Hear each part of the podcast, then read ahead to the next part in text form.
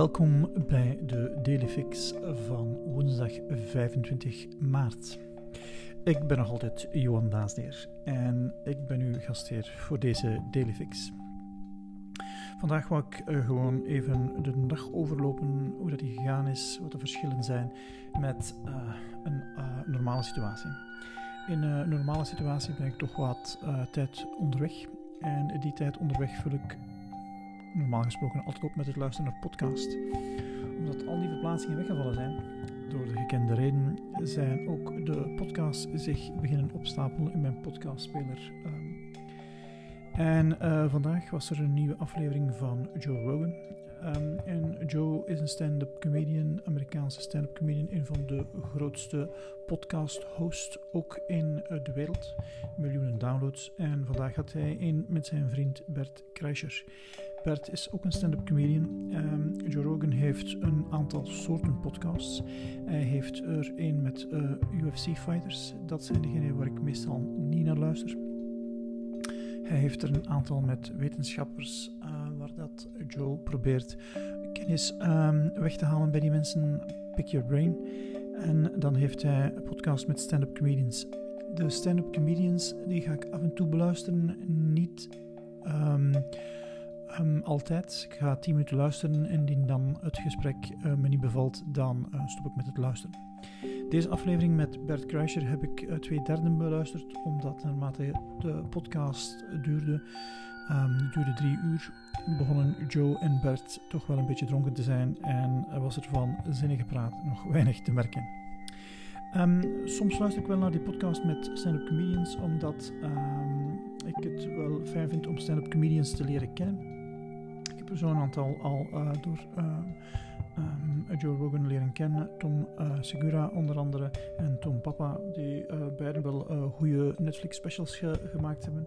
Bert Kruischer kan ik meestal wel appreciëren op de podcast van Joe, maar zijn stand-up comedy, um, dat is niet mijn smaak. Um, ik heb zijn nieuwe stand-up comedian bij Netflix de helft bekeken en dan gestopt. Um, merk wel dat uh, er bij mij uh, opnieuw een zekere ja, um, onzekerheid um, in het systeem aan het sluipen is. En um, ik merk dat dat soms wel gevoed wordt door wat ik aan het lezen ben, wat ik gehoord heb. wat merk ik in die podcast van Amerikanen is dat zij uh, wat later zitten in de curve van wat gaat er nu echt gebeuren met het coronavirus. Um, ze zijn nog niet helemaal overtuigd, heb ik de indruk dat het ernstig is. Um, maar de onzekerheid, uh, er zijn nog altijd heel wat mensen die zich denken dat het binnen twee weken zal voorbij zijn en dat het dan business as usual zal zijn. Dat heb ik toch wel wat uh, vragen bij. Vandaag was nogal een rustige dag wat betreft meetings, virtual meetings. Uh, in het normale leven heb ik zelden twee, drie meetings per dag. Uh, deze keer had ik er drie. En wij gebruiken ervoor Zoom. Heel fijn om te doen. En uh, ik word geprutst met virtuele achtergronden. Uh, spielerij om um, ja, de tool wat beter te leren kennen. En um, half uur van de dag heb ik gebruikt om mijn inbox helemaal leeg te maken. Ik had de zondag mijn ideale week gemaakt, um, deze lopende week voorbereid, maar ik had daarna niet meer mijn inbox leeg gemaakt. Ik was alle dagen wel één of twee keer gaan kijken en de, ja, de meest dringende dingen eruit geplukt, maar uh, vandaag heb ik mijn inbox helemaal leeg gemaakt. Ik gebruik daarvoor een, uh, een denkwijze, ik noem die Ohio, Only Handle It Once tijdens het um, um, ja, nadenken over wat de mails betekenen, toevoegen aan verschillende lijstjes. Um, dat, kun, dat schema kan je zeker terugvinden op onze oude site Extra Tijd en misschien zelfs al op onze nieuwe site van de Teamfixers. Daarna heb ik mijn dagelijks gesprek met David. De David is onze Franstalige trainer en David en ik overleggen elke dag hoe dat gaat om onze sociale connectie wat beter te houden want we zitten toch wel wat in een isolatie die niet zo fijn is om te hebben. Um, heb ik wat uh, tijd gespendeerd aan het afwerken van een presentatie die ik um, morgenavond online ga geven.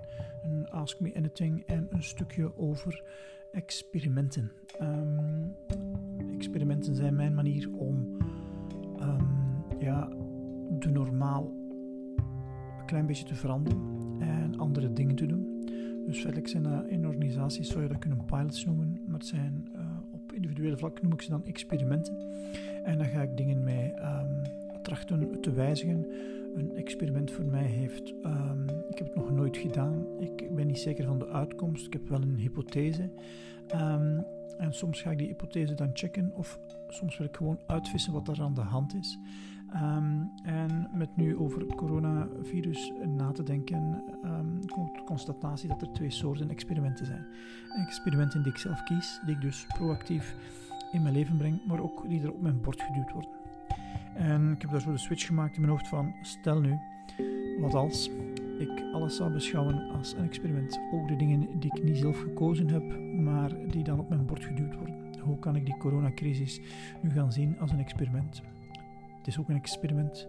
We zijn, uh, het is de eerste keer dat we met zoveel mensen in een lockdown gezet worden. En um, ja, een experiment om ja, te gaan kijken van uh, hoe gaan we dat hierna doen. Om wat geruster te zijn, um, doe ik alle dagen toch, en alle dagen, zes op de zeven, uh, mindfulness oefeningen. En dat doe ik aan de hand van uh, Sam Harris, zijn app Waking Up. Um, 20 minuten of 10 minuten, vandaag 20 minuten. En het waren meta-oefeningen. Um, meta is een andere naam voor loving kindness. En je gaat iemand um, alle geluk in de wereld toewensen via een mantra herhalen en u focussen, die persoon ook zien als in een hele goede gezondheid, heel, heel content.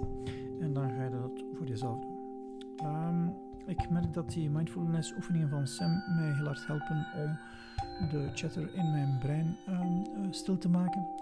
En uh, Sam geeft ook um, een maand gratis zijn app ter beschikking van iedereen die het maar wil. Dus als je geïnteresseerd bent, stuurt mij een mailtje johan.extratijd.be en ik zorg ervoor dat je een link krijgt om dat een maand te testen. Um, daarna Skype call met um, Ramon over uh, zijn boek. En we hadden een discussie over Amor Fati, uh, het onderwerp van gisteren. Uh, Ramon heeft zo'n quote: Refuse to accept the current reality. Ik denk dat we hetzelfde bedoelen. Um, de huidige realiteit kunnen we altijd veranderen, maar je moet er niet tegen vechten, je moet ze accepteren en dan trachten door acties iets anders te bekomen als de huidige realiteit je niet bevalt.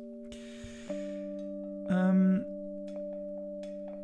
bij ons in onze lockdown met gezin hebben we besloten dat we er fysiek beter willen uitkomen dan dat we erin gegaan zijn. Als we geluk hebben dat we niet besmet zijn. Dat is uh, natuurlijk uh, um, uh, de vrijste. En uh, we zijn gestart met uh, een start-run.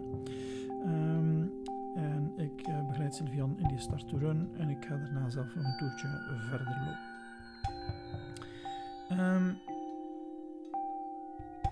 Is nogal een rare situatie. We merken dat we met gezin toch wel in een andere versnelling geraakt zijn en dat we elkaar meer aan het helpen zijn dan ervoor. Dus dat is zeker een positieve evolutie van um, de lockdown. Um, gans het gezin was Sylvian aan het helpen om de kip van generaal Zo te bereiden. Echt een heel lekker gerecht.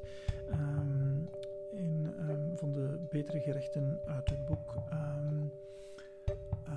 naam ontschiet me nu van de methodiek om um, gerechten te maken. Um, ik um, ben ook een aantal zaken aan het afwerken en dingen die ik ooit gekocht heb van trainingen, maar niet volledig heb afgewerkt, nu te vervolmaken. Uh, ik was aan een training begonnen van Read to Lead. En een van de zaken die je daar moest doen was berekenen hoeveel boeken je nog gaat lezen in je leven. Nu, daarvoor moest een berekening maken. Je moest gaan kijken naar de leeftijd van je grootouders, hoe oud die geworden zijn. Um, ik heb nogal geluk. Ik heb uh, grootouders die oud geworden zijn, mijn ouders niet. Maar we mochten ons focussen op de grootouders. Um, volgens de berekening die ik moest maken, zou ik nog 42 jaar hebben. Ik lees ongeveer 42 boeken per jaar. Dat betekent um, uh, ik lees ongeveer 48 boeken per jaar.